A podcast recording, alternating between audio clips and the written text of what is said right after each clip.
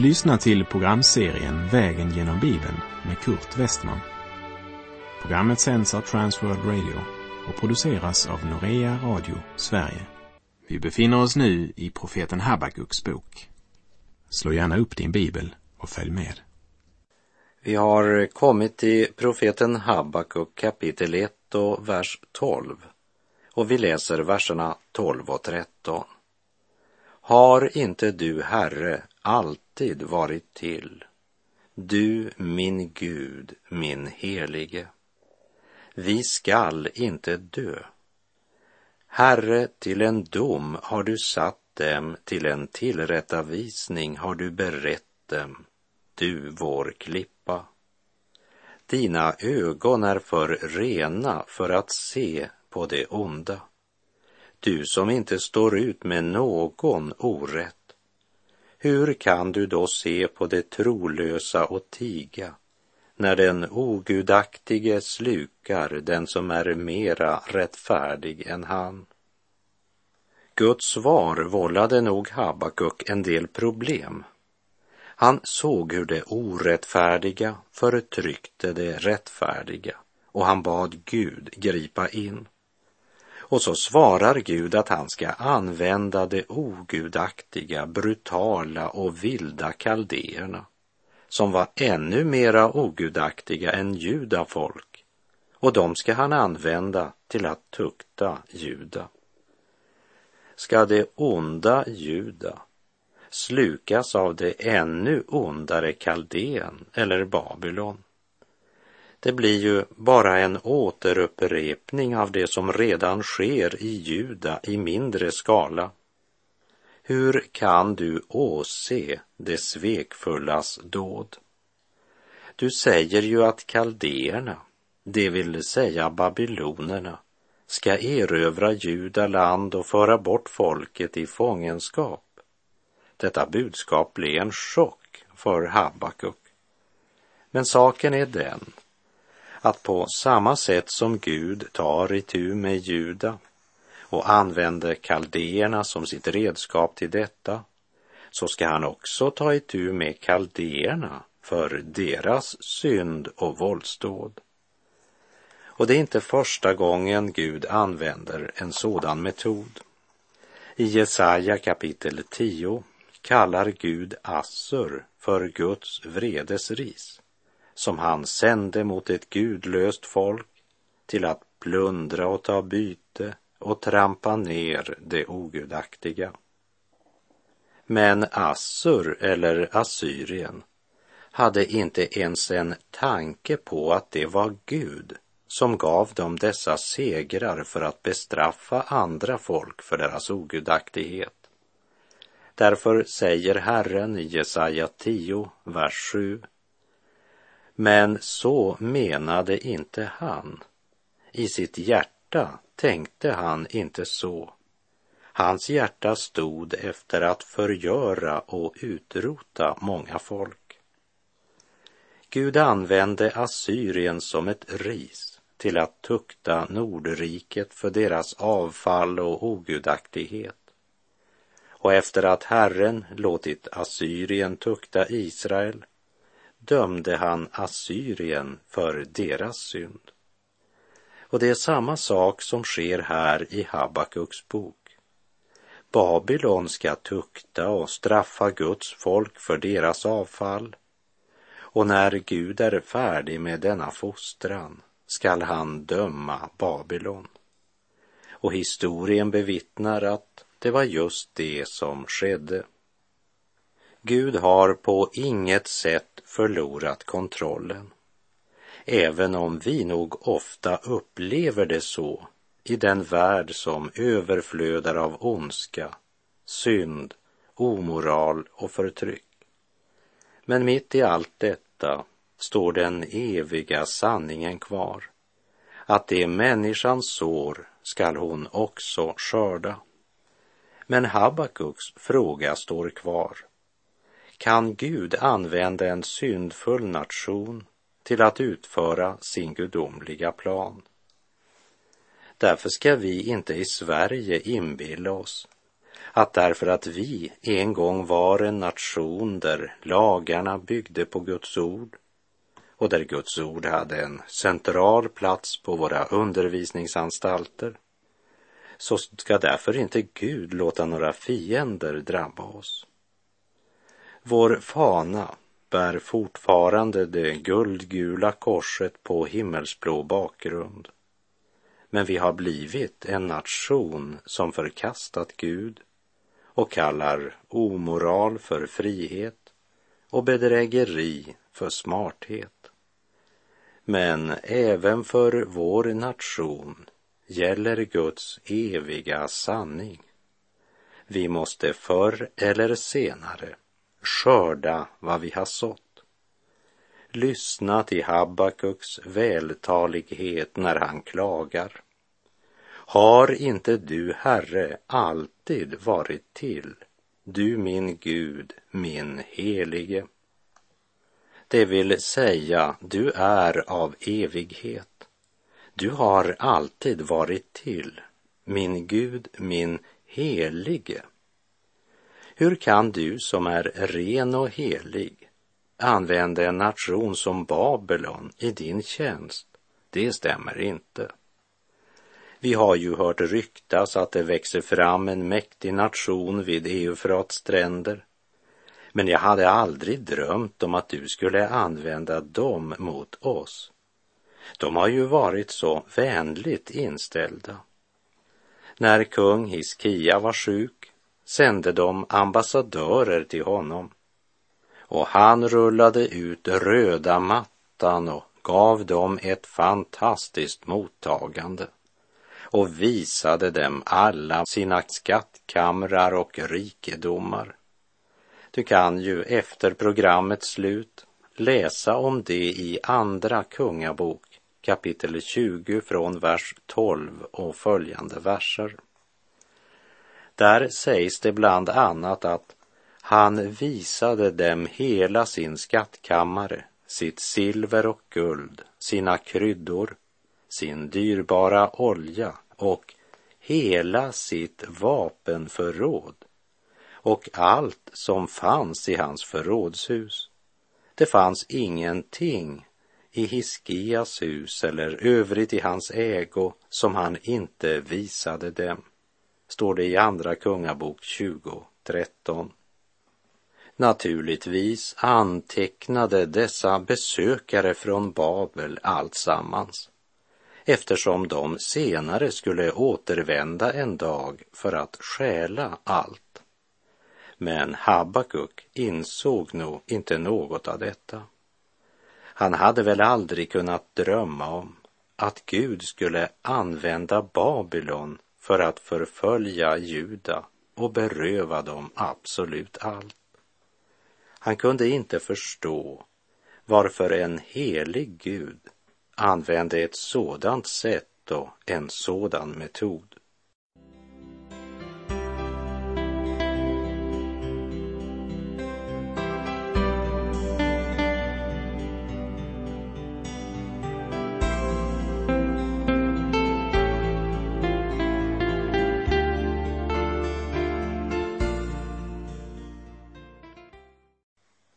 Sedan säger Habakuk, vi skall inte dö.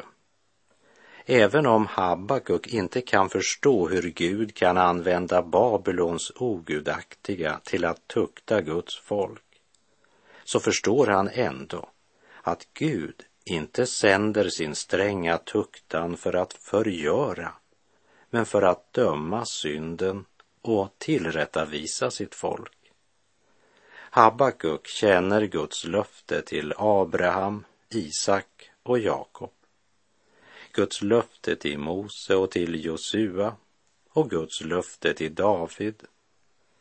Gud hade gett löften genom profeterna som hade stått fram före Habakuk och lovat att hans folk skulle bestå till evig tid. Vi skall inte dö. Det är ju ett ord som borde läsas av de teologer som hävdar att Gud är färdig med nationen Israel. Gud är inte färdig med Israel. Han har en evig plan med dem. Precis som han har med församlingen. Som han genom evangeliet kallar ut ur världen för att de skall leva för Gud. Och tacka Gud för att du som ett Guds barn verkligen kan säga vi skall inte dö. Herren Jesus kom till vår jord för att dö. Han sa att det var därför han kom, för att dö i ditt och mitt ställe. Han sa, jag är uppståndelsen och livet. Och han vände åter från döden. Han som utlämnades för våra synders skull och uppväcktes för vår rättfärdiggörelses skull, som det står i Romarbrevet 4.25. Och till Lazarus syster Marta, som stod och grät, sa han. Jag är uppståndelsen och livet. Den som tror på mig ska leva om han än dör. Och var och en som lever och tror på mig ska aldrig någonsin dö. Tror du detta? Som det står i Johannes 11, 25 och 26. Det är evangeliets budskap och det är verkligen något att lita på, både för dig och mig. Och när profeten Habakuk säger vi ska inte dö, så hade han rätt. De skulle inte dö däremot tillrättavisas strängt, konfronteras med den helige Gud och hans rättfärdighet. Och det evangelium som vi både får leva av och förkunna för andra uttrycker Jesus så här. Den som tror på mig, han ska leva även om han dör. Naturligtvis ska vår kropp dö och läggas i grav om inte Jesus kommer igen innan det sker. Men den som tillhör Jesus och dör i tron på honom skall uppstå med en förhärligad kropp till evigt liv och en evig salighet. Men om du är andligt död nu så betyder det att du dör i dina överträdelser och synder och din död blir en evig skilsmässa från Gud. Gud är helig och han kommer inte att ta någon synd in i himlen.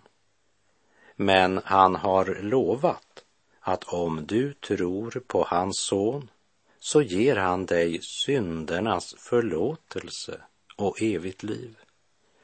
Herren säger att om du tror hans ord så att du inser att du är en syndare som inte förtjänar frälsningen och att du inte med dina ansträngningar kan göra dig förtjänt av den. Då erbjuder Gud dig frälsningen som en gåva. Genom Guds nåd kan du bli frälst och få del i evigt liv och evig salighet. Kära vän, lever du i Kristus idag? Har du sonen, då har du livet.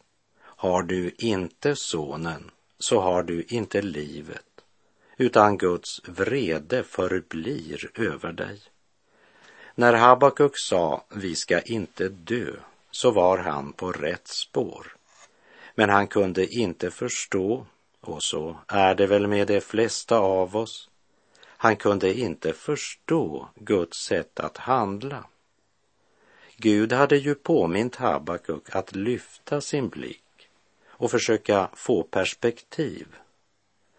Du och jag som lever idag har ju privilegiet att ha det historiska perspektivet.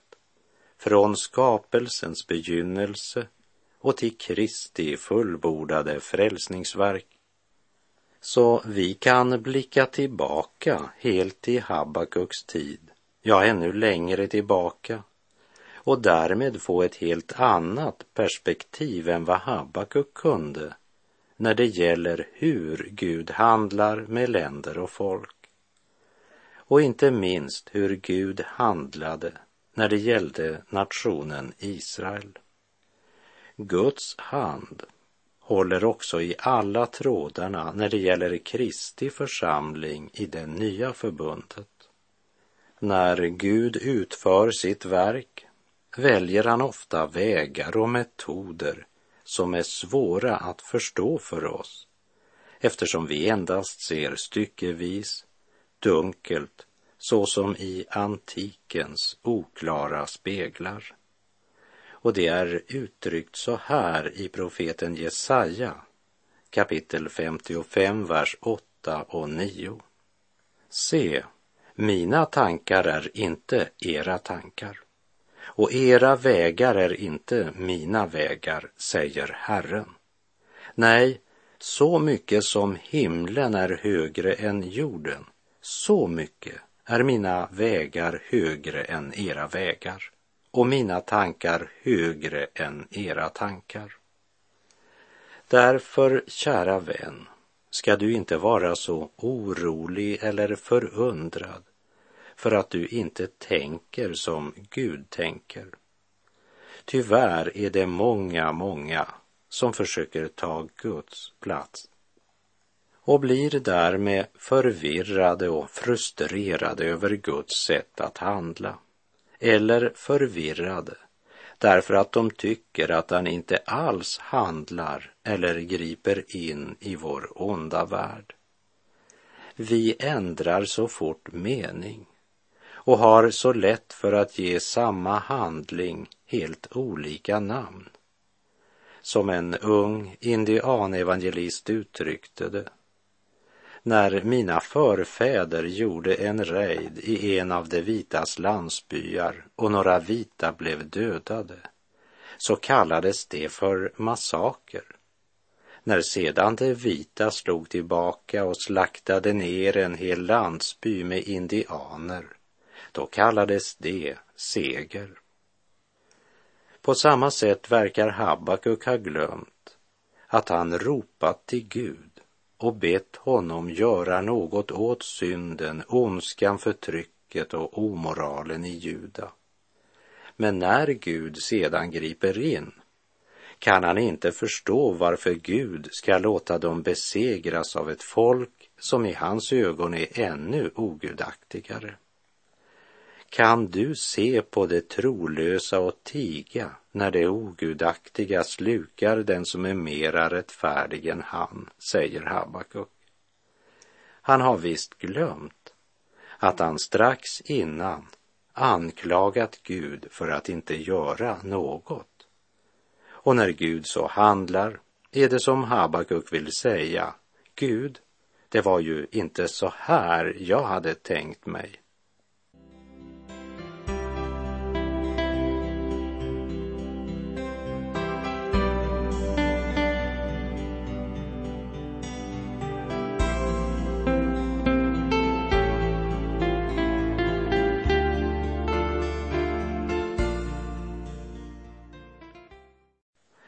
Läser profeten Habakuk kapitel 1, verserna 14 till och med 16. Du gör människorna lika fiskarna i havet, lika kräldjuren som inte har någon herre. Det drar upp dem alla med sin krok och fångar dem i sitt nät. Det samlar dem i sitt garn Därför jublar de och är glada. Därför offrar de åt sitt nät och tänder rökelse åt sitt garn. Genom dem blir deras andel fet och deras mat välsmakande.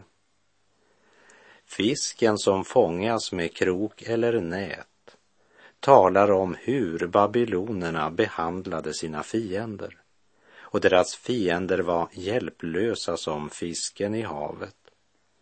Samtidigt talar Guds ord om att även Gud fiskar, men inte för att krossa och förgöra, utan för att förlåta, hela och upprätta. Herren Jesus kallar sina lärjungar till människofiskare. Efter syndafallet är människan inte fri, utan hamnar i ett av näten. Antingen fiendens nät, som gör henne hjälplös som en fisk som sitter på kroken, eller som ett kräldjur. Babylonerna präglades av hedendom, ogudaktighet och vidskepelse och gav aldrig Gud äran för sin framgång utan växte istället i egna ögon för varje seger. Men låt oss för ett ögonblick återvända till fiendens krok. Satans mål är att ta Guds plats i en människas liv. Och när han ska beröva människan hennes frihet och binda henne i synd lägger han ut sin krok. Kära vän, har du någon gång försökt fiska så vet du att du kastar inte bara ut kroken i vattnet. Först finner du ett bete, det vill säga du finner en god och fet mask som du sätter på kroken. Inte för att du önskar ge fisken mat, men för att locka fisken. Men det som för fisken ser ut att vara en underbar måltid är i verkligheten något som leder till död. För när fisken väl har svalt betet, då drar du i fisklinan. Men när fisken känner smärtan av kroken är det för sent att spotta ut masken, för det går inte. Det sitter nämligen en hulling på kroken. Den läckra masken var inte vad den gav sig ut för att vara. Och nu dras fisken ohjälpligt mot sin vilja upp på land. Synden ger aldrig vad den lovar. Och Satan vet precis var han ska placera sina beten i ditt och mitt liv. Det verkar så gott och så lätt. Det är bara att svälja. Men när vi börjar känna syndens konsekvens, känna syndens nöd, smärta och ödeläggelse, är hjärtat redan fångat av kroken. Och vi kan inte bara spotta ut och simma vidare. För nu är vi räddningslöst förlorade. Vi är som fisken i nätet. Ju mer vi sprattlar, desto mera fastnar vi. Allt är förlorat. Köttet, vår gamla natur, älskar de beten som Satan lägger ut. Och i Romarbrevet 8, verserna 8 och 9 säger Guds ord. Det som följer sin syndiga natur kan inte behaga Gud. Ni däremot lever inte efter köttet, utan efter anden, eftersom Guds ande bor i er. Den som inte har Kristi ande tillhör inte honom. Kära förtvivlade vän som svalt syndens bete och sitter fast på syndens krok. Du kan aldrig komma loss genom din egen strävan, hur allvarligt du än försöker. Därför ska du vända dig till honom som har besegrat din fiende. Ropa ut din nöd till honom som har makt att eh, kapa fiskelinan. Ty syndens lön är döden, men Guds gåva är evigt liv i Kristus Jesus, vår Herre. Vilken fiskare är det som har dig på kroken? Han som trälbinder dig i synden och leder din själ till döden. Eller han som fångar dig genom sin kärlek för att ge dig den gåva som heter syndernas förlåtelse och evigt liv. För på en av de två krokarna sitter du. Eller du kanske ännu befinner dig i det stadiet att Satans bete smakar gott och du ser flera läckra maskar som du tänker svälja eftersom du ännu inte känt smärtan av kroken. Inför den hotande fienden ropar Habakuk kapitel 1, vers 17. Men skall det då få vittja sitt nät och ständigt dräpa folken utan förskoning? Habakuk frågar Herren. Ska du tillåta babylonerna fortsätta och i framtiden ödelägga folk efter folk? Guds svar är nej. Jag skall sända Juda i fångenskap i Babylon för deras synder, till en dom och en tillrättavisning. Men sedan skall jag döma också Babel. Och det var just det Gud gjorde. Och idag ligger Babel i aska och ruiner. Och Babels tystnad idag är ett stilla vittnesbörd om att Gud handlar i mänsklighetens historia och kommer att fortsätta att göra så intill den dag då Kristus kommer åter i ära, makt och härlighet. Men så länge vi lever och vandrar på denna syndens jord kommer vi nog att få brottas med många frågor och undringar eftersom Guds tankar är så mycket högre än våra tankar. Jag bär på frågor. Det gör säkert du också. Jag har inget svar på dina frågor, men jag vet att Gud har. Därför bär jag mitt livs varför inför honom som har älskat dig och mig och hela världen så högt att han utgav sin enfödde son för att de som tror på honom inte ska gå förlorade utan ha evigt liv. Och jag har mer än en gång i nattens sömnlösa timmar nynnat på sången. Invid din stungna sida Guds lamm mig stilla gör där finnes ljuvlig trygghet och intet ont mig stör. Hur fienderna rasa, hur tvivlets vågor gå. Den nåd mig sökt och funnit är starkare ändå. Och med det så är vår tid ute för den här gången. På återhörande om du vill och om Herren ger oss båda en ny nådedag. Herren vare med dig, må hans välsignelse vila över dig. Gud är god.